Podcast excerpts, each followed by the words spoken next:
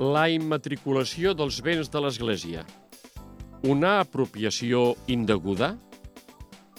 Article de mossèn Josep Mateu.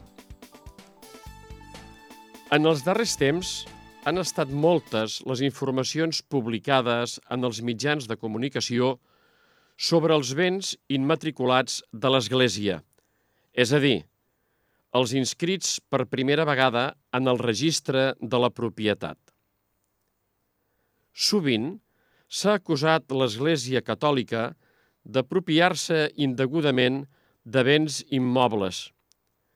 Però què hi ha de cert o de fals en aquestes notícies? L'Església està present al nostre país des de fa uns 2.000 anys. L'arcabisbat de Tarragona existeix des del segle I. Els cristians han construït temples, catedrals, ermites, cementiris, monestirs, arreu del territori i, en la immensa majoria dels casos, no ho feien a títol particular, sinó que ho feien com a església, com a membres de la comunitat cristiana.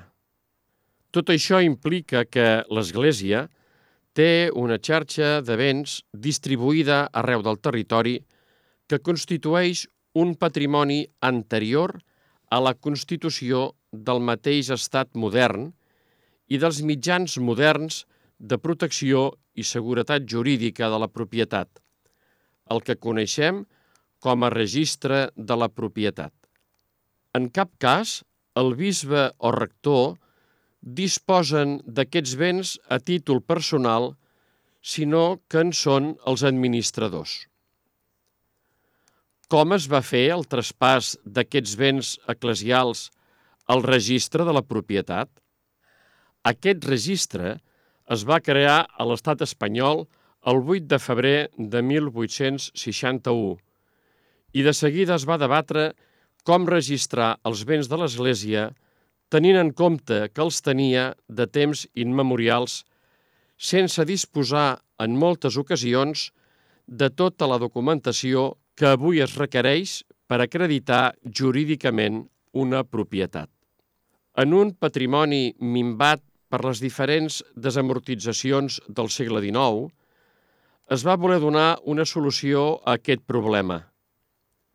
Des de 1863 a 2015, per tant, no és cap privilegi franquista, la Segona República va mantenir aquest procediment. L'Església va poder immatricular els seus béns per certificació igual que les entitats públiques, per l'arrelament històric de l'Església en el territori. Aquesta legislació no es va aplicar als llocs de culte. Des de 1863 a 1998, l'Església no va poder registrar els seus temples, a diferència de les altres confessions i dels particulars que sí que ho podien fer. La raó és que es considerava que era notòria la seva propietat i no calia registrar-la. El 1998 es va anul·lar per inconstitucional aquesta excepció i fins al 2015 l'Església va poder immatricular els seus temples. Durant aquest període 1998-2015, s'ha procedit a immatricular un nombre important d'esglésies o ermites.